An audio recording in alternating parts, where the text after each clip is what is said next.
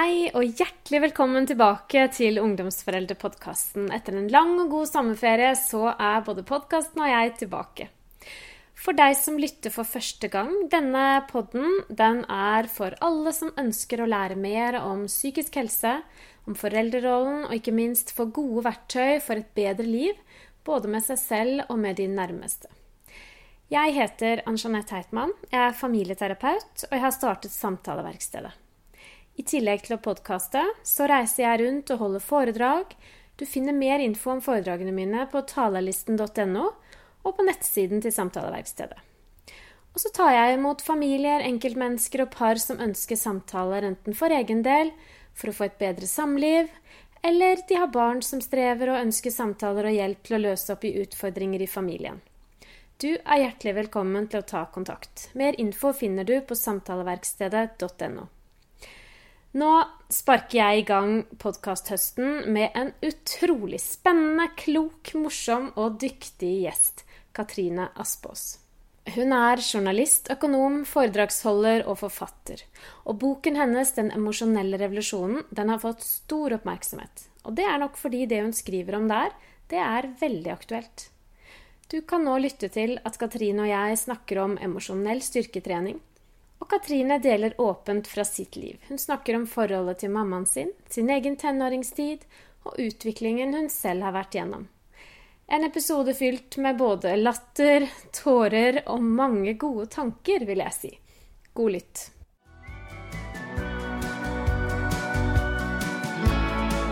Sett deg lenge, kommer til å skje. Du blir voksen, og jeg veit ikke helt hvordan jeg takler det.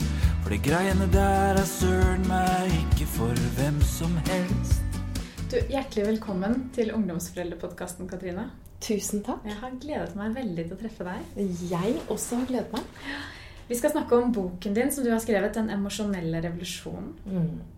Den har fått masse oppmerksomhet i media. Mhm. Og det syns jeg er veldig velfortjent. Jeg syns det er en nydelig bok, og veldig aktuell bok. Tusen takk. Og så må jeg bare si at det er jammen ikke ofte at jeg begynner å gråte eller felle noen tårer før jeg det hele tatt er i gang med boken.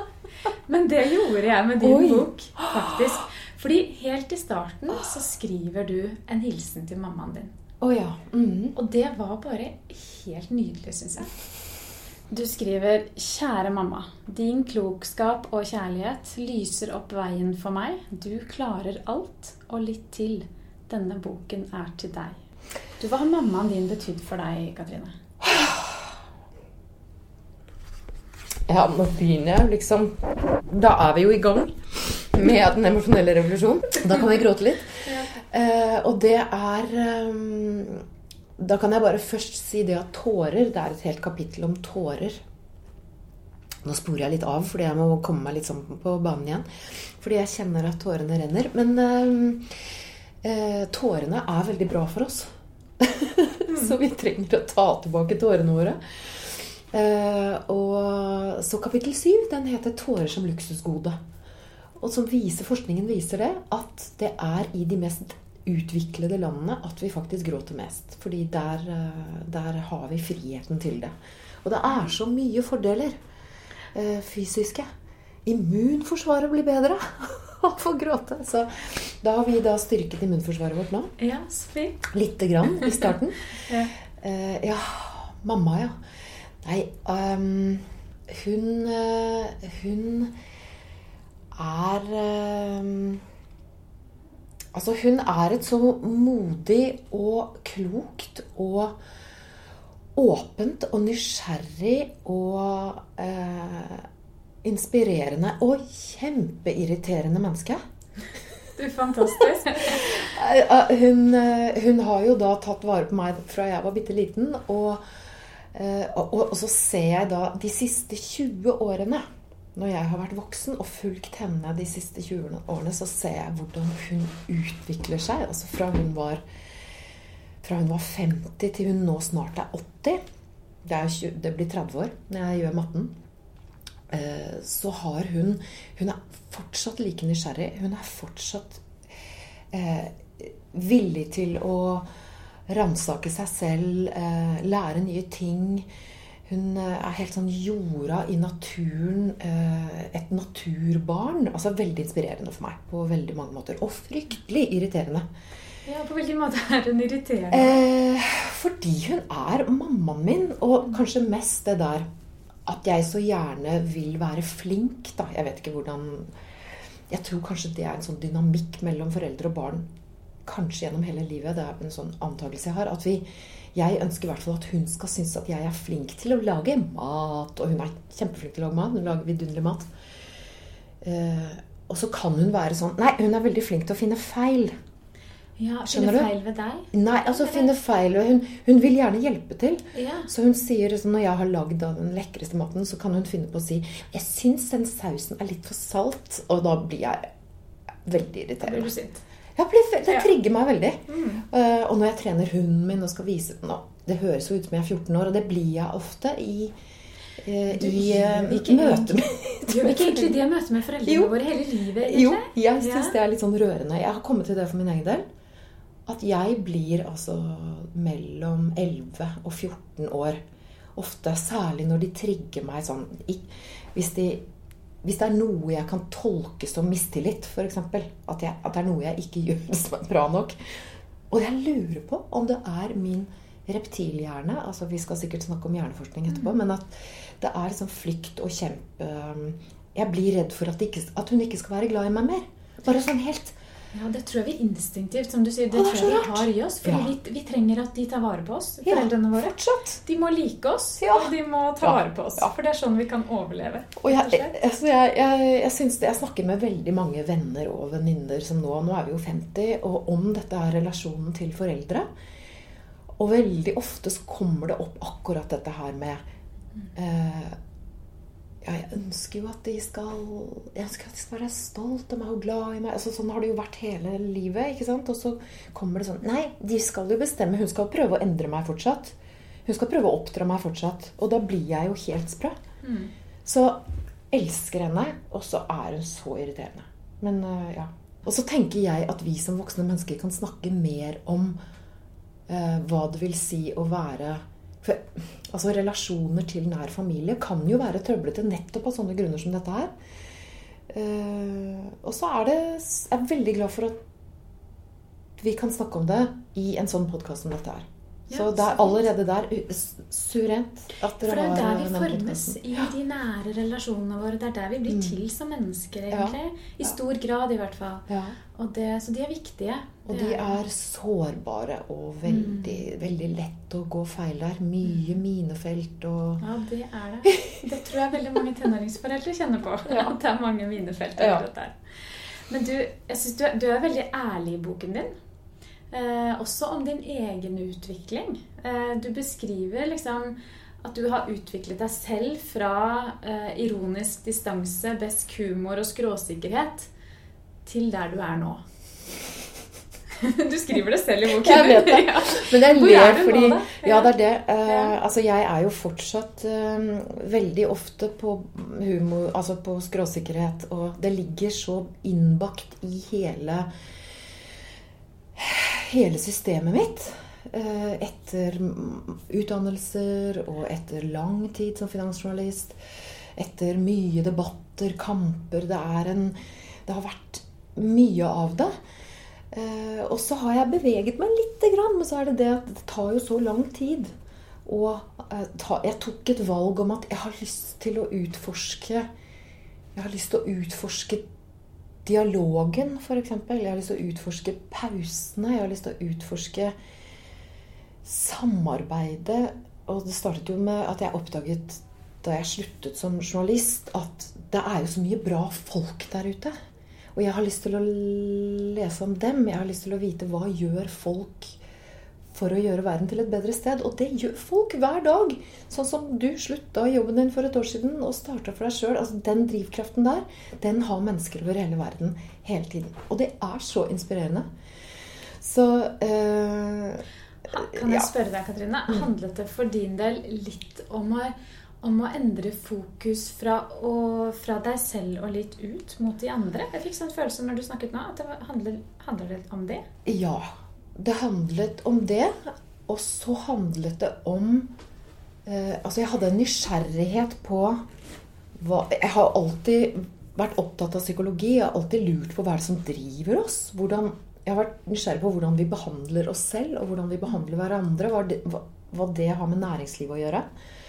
Eh, Det har mye for meg med økonomi å gjøre, hvordan vi mennesker behandler hverandre. Og hvordan vi behandler oss selv. Det er utrolig lønnsomt å behandle hverandre bra, for å si det sånn, hvis vi skal begynne å snakke økonomi. Eh, og det er jeg nerder jo på økonomi. Men så var det også en del av det at jeg merket at jeg, jeg ble så sliten av å være så ironisk og besk og eh, skråsikker og smart. Og altså, det var som å lage seg et sånn tungt eh, sånn tung rustning som jeg gikk litt sånn ut i krigen med. Og det var utrolig slitsomt. Og jeg merket at jeg ble litt sånn Jeg ble deprimert på innsiden av den eh, rustningen. Jeg ble ganske ensom der inne. Jeg ville liksom ut. Og så tenkte jeg vet du hva, det dette er ikke jeg, jeg har lyst til å ta av meg den rustningen. Se hva som skjer da. Og um, det er ti år siden. Og det har skjedd veldig mye. Du skriver i boken din at vi er utstyrt med en Altså hvis vi blir utstyrt med en stabil og god emosjonell kjernemuskulatur, så kan vi rolig og håpefullt tenke på hva slags verden vi ønsker å være med på å skape. Mm. Det syns jeg var litt spennende. Det med å Altså akkurat det er så viktig, tenker jeg, det med å skape. At verden ikke Den er ikke bare sånn. Den Mm. bare blir ikke. Men vi kan faktisk påvirke den, og vi kan være med på å skape den. Den blir til hele tiden.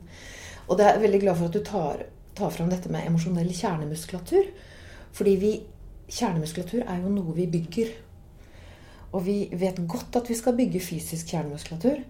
Eh, vi vet godt at vi skal, bruke, at vi skal bygge eller, eh, intellektuell. Altså vi, vi går jo på skole og trimmes i størst grad intellektuelt. Nå kommer heldigvis det emosjonelle, så det suser.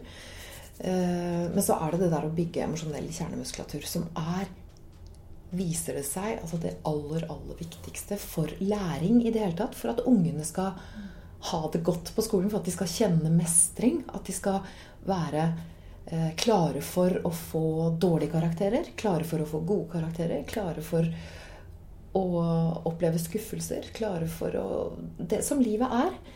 Så den der grunnmuren der, som jeg kaller emosjonell eh, kjernemuskulatur, fordi jeg gjenkjenner det for meg selv, at dette er noe jeg bygger opp hver eneste dag eh, ved hjelp av helt spesifikke, masse gode eh, teknikker og verktøy som fins der ute etter at vi nå i 20 år har forsket på atferd og på hjerne, på hjernen, hvordan den fungerer. Så kan vi bygge den muskulaturen. Og da snakker vi om åh, Da kan vi virkelig begynne å, å, å, å se forandringer. Altså, for da, da får vi bygget opp den muskulaturen som heter empati. Den muskulaturen som heter å samarbeide. Muskulaturen som, som heter å finne inn egne verdier. Altså leve tro mot egne verdier. Kjempeviktig for ungene å kjenne verdier. Uh, og det er flere og flere som jobber med dette her. Sånn som organisasjonen MOT. Ja. Som jobber, de var tidlig ute, men flere og flere. Og nå er livsmestring på vei inn i skolen. eller det som er livet. Mm. Så emosjonell kjernemuskulatur Ja, så liker jeg det uttrykket fordi eh, emosjonell kjernemuskulatur, da skjønner jeg at det er noe jeg må jobbe med. Det er ikke noe jeg nødvendigvis bare er født med. mm, mm. Vi er født med en viss grad av det, akkurat som annen muskulatur, men den må jobbes med. Den må trenes hele tiden. Mm. Eh, Og det syns jeg er fint. Ja. For det, det gir oss alle på en måte eh, muligheten Mm. og, Det det til å kunne jobbe med den. jobbe med Og vi må jobbe med den hvis, fordi vi får det bedre, rett og slett. Vi gjør det. Og nå har jo jeg forfulgt min drøm, som er å lage et emosjonelt treningsstudio. Så det, det er det jeg har drevet med det siste etter at jeg ga ut boken. Så har jeg laget et emosjonelt treningsstudio som, hvor det nå er 1300. Som eh, i løpet av en måned nå, så er vi, er 1300. Fra Spania via USA til eh, Finnmark. Som eh, alle nordmenn da, som bor rundt omkring, for dette er på norsk. Så det er bare å gå inn. Det er et, et treningsstudio som alle kan melde seg inn i. Ja, hvor Og hvor vi trener emosjonelt. Du finner det på nettet. Ja, det Så der, eh, der ligger det treningsstudioet ute. Mm. Og så, og så lager jeg et, et eh, kurs eh, i emosjonell styrketrening i høst som lanseres i midten av september. Ja. Du, Så spennende. Vi driver egentlig med veldig mye av det samme, vi, Katrine. Ja.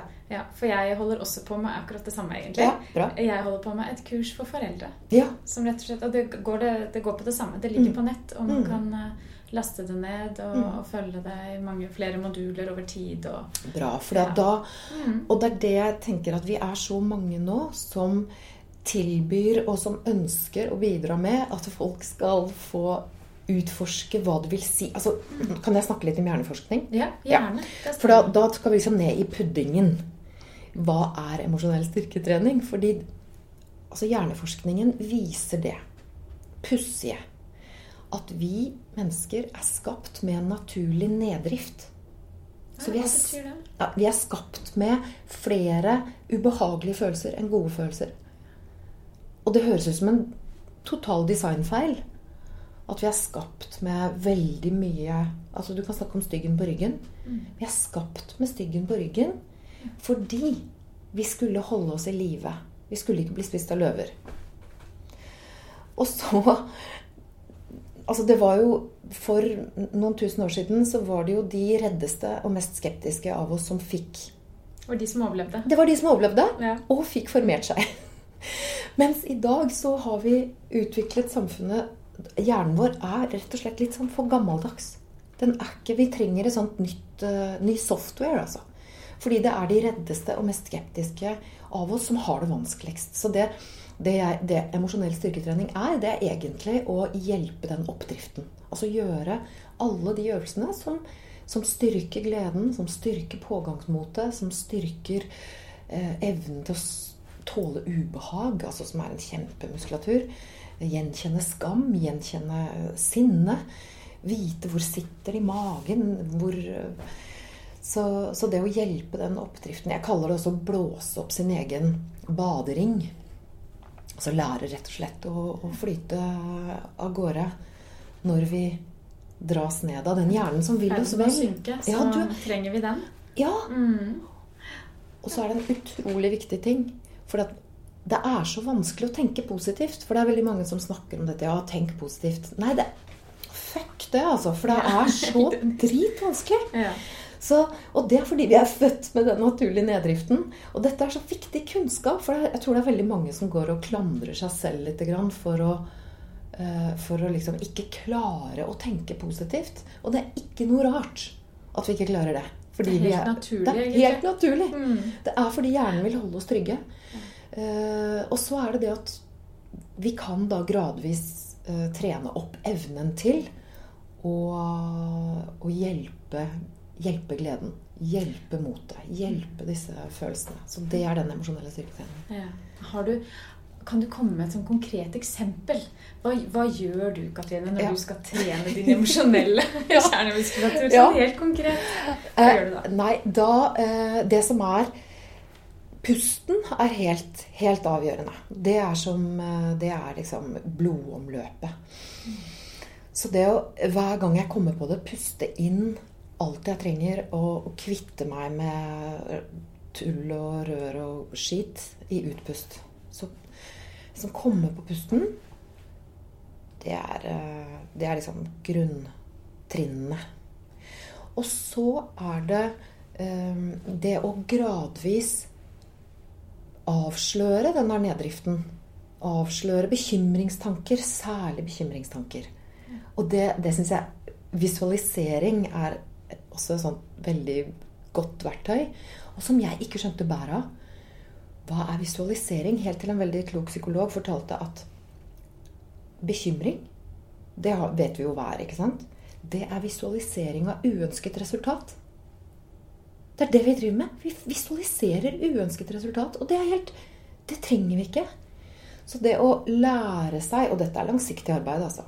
Når bekymringstankene kommer liksom sivende inn, lære meg Lære oss til å gå over til å visualisere ønsket resultat. Det kjenner du som gründer helt sikkert, og jeg gjør det også. Du har masse bekymringer. ikke sant? Så er det sånn ah, Hva er egentlig ønsket resultat av det du driver med? Ja, for det jeg Sånn som jeg tenker da, Katrine, Ja.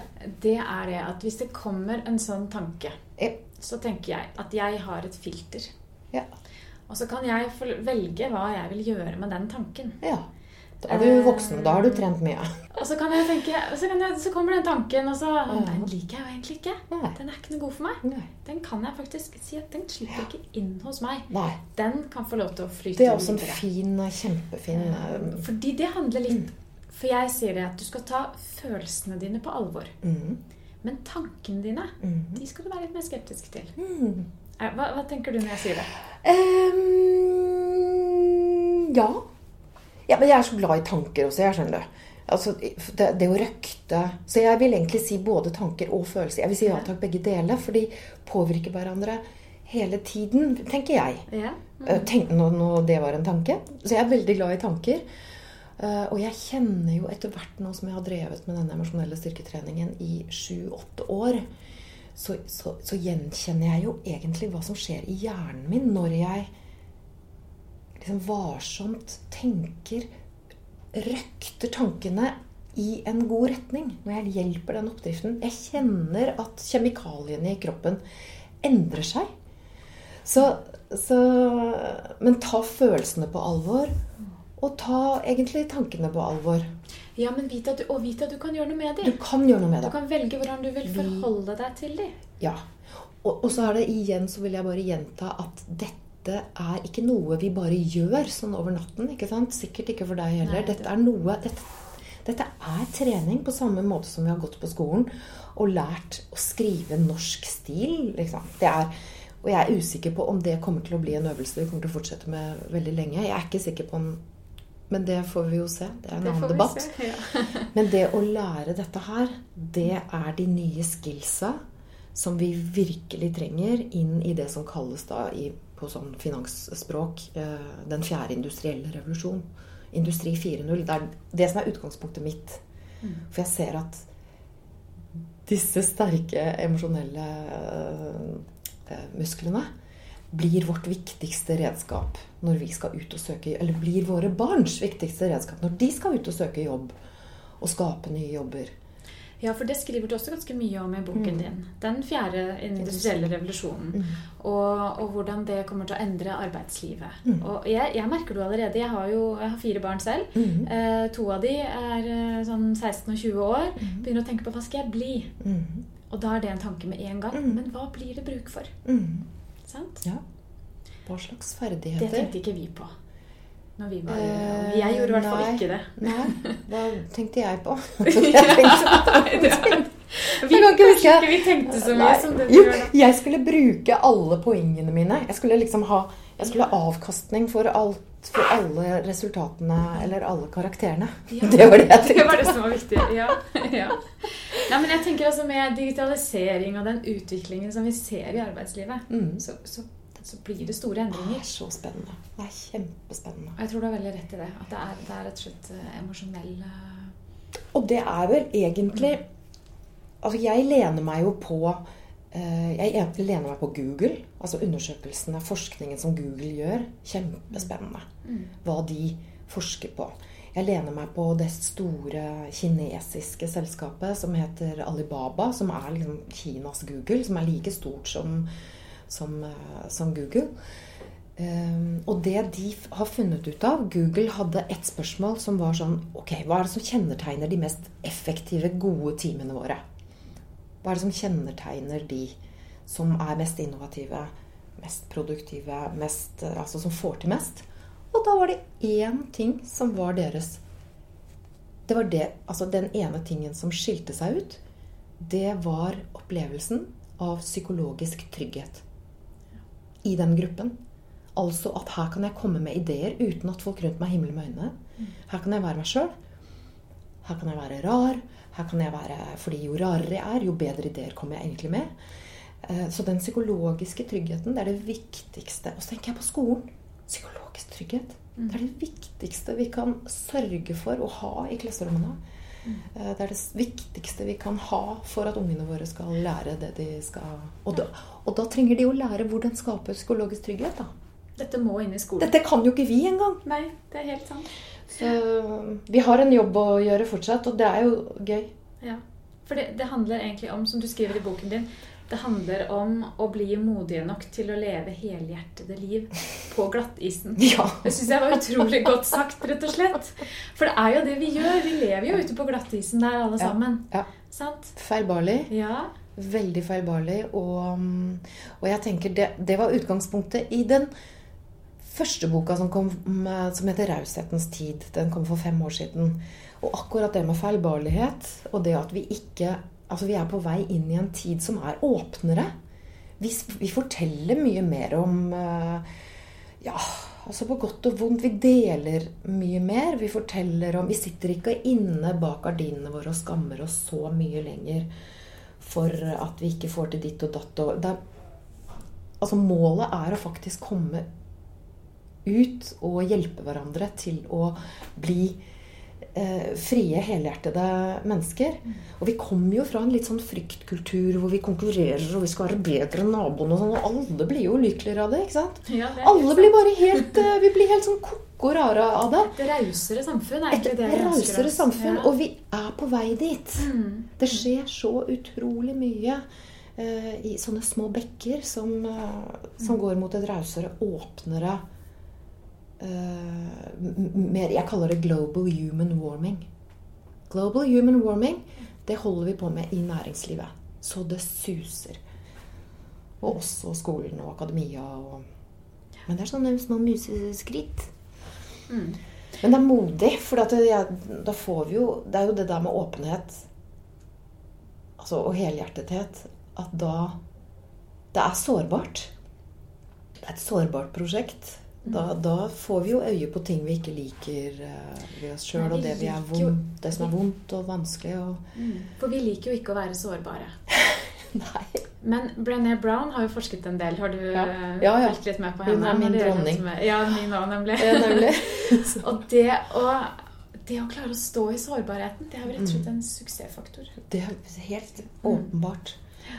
Så Brené Brown, hun, eh, hun, hun har jo virkelig Hun forandrer jo verden i stor skala. Altså med 60 000 mennesker på kursene hennes.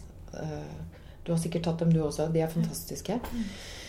Eh, Men det at vi har mistolket sårbarhet for å være svakhet i denne fryktkulturen, som vi jo er fordi vi har den neddriften av den redde hjernen vår, så mistolker vi sårbarhet som svakhet. Og så viser jo forskningen da at sårbarhet er vårt mest presise mål på mot. Legg merke til Nå tenker jeg på alle de som, eh, du som sitter og hører på. Legg merke til sårbarhet rundt deg. Hva er det for noe? Hva, når folk viser et mot da, til å enten åpne opp eller til å gjøre noe skummelt eller utsette seg for å bli latterliggjort. Det er nesten det verste det vi kan verste gjøre i Norge, tror jeg. Og det gjør jo gründere. Det gjør jo de som går ut og tenker nye tanker. De setter seg i posisjon til å bli latterliggjort. Ja, Og det er modig, det. Takk. Så, For det er det- skummelt. ikke sant? Så, og jeg har en sånn uh, matematikk når det gjelder latterliggjøring. For jeg syns det er gøy. Jeg har en sånn latterliggjøringsindeks. For jeg tenker som så at det som blir latterliggjort Altså som Mannsrolleutvalget ble jo massivt latterliggjort. Det er jo kjempeviktig. Uh, yoga, meditasjon har blitt latterliggjort lenge. Og nå er det altså Det går ikke an å diskutere med hjerneforskningen på hvor vanvittig bra det funker. Det er emosjonell styrketrening. Uh, så det som blir latterliggjort, vær oppmerksom på det. Og for all del, slutt hvis, hvis vi er noen av de som himler med øynene eller latterliggjør selv, det er det verste vi kan gjøre for vårt eget mot. Jo mer jeg latterliggjør eller andre eller er skeptisk og himler med øynene overfor ting jeg syns ser teit ut eller dumt ut, jo reddere blir jeg selv for å gå ut og bruke mitt lys og min energi. Så, det er egen, så sånn himling og ut, ja, uttrykk for forakt, da, det er jo egentlig selvforakt. Altså vi graver vår egen grav. Så det er også litt sånn Det er altså emosjonell styrketrening. Når du finner noe du har lyst til å le av, så tenk heller A. er dette kanskje fremtidens uh, løsning? Jeg har jeg tro på, Katrine. Ja. Var det, ikke, var det du som kom med det begrepet 'feiltastisk'? Yes. Var det ditt? Var det ikke det? Ja, du har det faktisk rundt halsen. Jeg har det rundt halsen. Du, Jeg har det alltid med meg. For det liker jeg. Eh, Ja. Som gammel perfeksjonist. Altså, jeg er jo gammel, uforbederlig perfeksjonist. Og det er jo også veien til fortapelse. Ja, jeg òg. Eh, det, så det å komme seg ut av den der perfeksjonismehelvetet, da, som, eh, som, som er egentlig et slags fengsel Så det å få lov til å være feilbarlig og lov til å feile og røre og, eh, og være litt sånn Ja, være, være meg sjøl, da. Og, og, og, og ikke Altså Det som er så vondt med å være perfeksjonist, er at veldig mange av oss er flinke til å jule opp oss selv. Når noe ikke går sånn som det skal. Sånn at det å lære seg å ah, ikke gjøre det, men heller feire feilene fordi at en feil er et skritt i, retning av å gjøre noe vanskelig. Men du Som du skjønner, jeg blir så ivrig! Ja, men det er bra. Men eh, Katrine, som tenåring, hvordan var du da? Jeg har lyst til å spørre deg om det til slutt. Hvordan var tenårene for deg? Dette er ungdomsforeldrepodkast, vet du. Det er det. Ja. Eh, Jeg hadde det veldig fint som tenåring, syns jeg. Altså, jeg var eh, Jeg var skikkelig nerd. Veldig nerdete. Skole. Elsket skole. Spilte piano og fløyte 20 timer i uka. Altså holdt på med det der. Festa ikke. Eh, typisk sånn mobbeoffer fordi jeg ikke syntes det var gøy å feste og sånn. Eh, Snill jente, Ja, ek ekstremt uh, Ja, hvor snill var jeg? Jeg var vel ganske snill, men jeg var vel mest um, Jeg hadde en sånn vanvittig drivkraft i retning av musikk, da. Stort sett. Og også mestre. Altså i det hele tatt mestre fag, mestre Jeg syns det var kjempegøy. Jeg syns det fortsatt Jeg er uforbederlig. Jeg velger ofte bort fester til fordel for å For å nerde litt. for å nerde, altså. Ja, På fint. piano eller gitarer. Altså Ja. sitte og Så bra. Nerding er jo er bra, det. For, Men det er jo irriterende med sånne folk, men um, det får vi bare tåle. Vi er Ja. fantastiske. Det er det vi er. Ja. Ja. Men eh, helt til slutt så har jeg, du, du, du skriver også litt om gåsehud. Um, Ja. Om gåsehudeffekten. Mm. Um, hva er det for noe? Eh, gåsehudeffekten. Altså, for det første gåsehud. Følelsen av at hårene reiser seg helt sånn uforklarlig. Det er jo en sånn Altså for meg, Jeg, jeg har vært så nysgjerrig på den følelsen så lenge. For jeg syns den er så god. Altså det er en sånn Høre Mozarts rekviem eller et stort kor eller et eller annet som bare treffer veldig, så kjenner vi jo den gåsehud. Eller lårfrost er det noen som kaller det. Ja. Og så er det jo ståpels. Men, så jeg har gått rundt og tenkt liksom, er det noen som forsker på dette her? Og det er det jo. Hva er det for noe? Og så viser altså forskningen det. For det første så kaller forskerne fenomenet for kama muta. Kama muta, som er sanskrit.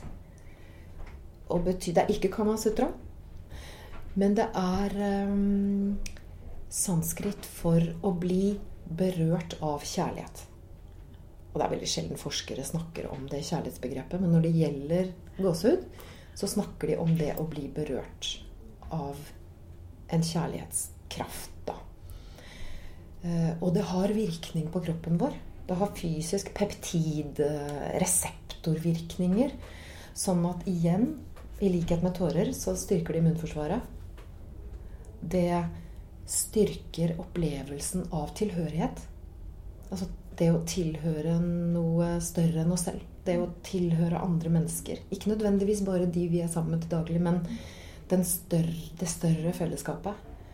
At vi er, vi, vi er knyttet sammen gjennom noe som er større enn oss selv. Det er en sånn gåsehudtanke. Jeg merker at bare jeg sier det, så får jeg litt sånn gåsehud. Eh, og, jeg, og det er en veldig Nei, det er en så god følelse. Og, en, og den kan ikke Den kan jo ikke styres. Den er helt ustyrlig. Så for meg er det en spirituell Det har en spirituell dimensjon, altså en åndelig dimensjon. Også fordi jeg kan ikke forklare For meg musikk hva, Når jeg gråter av musikk, eller vi gråter av musikk Hva er det for noe? Hva er det for noe? Og det er et mysterium. Og jeg syns det er fantastisk. Gåsehudeffekten er jo følg gåsehuden. Ja, for det var det jeg tenkte. Ja. At når jeg leste om det i boken din, Mm. så var det nettopp det som satt igjen hos meg. At Mm. legg merke til når du får gåsehud, og, og følg den eh, Ja. Hva, følelsen, hva måte. var dette her? Vær så nysgjerrig. hva ga meg denne følelsen? Og lytt, lytt til det. Ja, for det Mm. er en melding fra dypet av deg selv om hva det er som driver deg, og hva det er som beveger deg. Og, som, eh, og det er rikdommen. Det er den store rikdommen. Da, da har jeg lyst til å avslutte med noe av det siste du skriver i boken din også. Mm. eh, som rett og slett bare er veldig fint. Du skriver en vakrere verden er mulig. Vi er på god vei sammen. Det er til å få gåsehud av, rett og slett. det er det. Tusen takk, Katrine. Takk for at jeg fikk komme. Det har vært kjempespennende.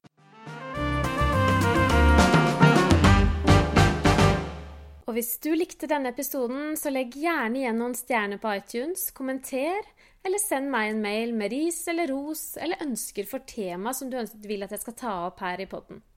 Det kan du sende til ann-jeanette at samtaleverkstedet.no. Og hvis du ønsker å motta mail fra meg med inspirasjon og tips, samt info om nettkurset som jeg starter opp, så send meg mailadressen din. Jeg gleder meg til å høre fra deg.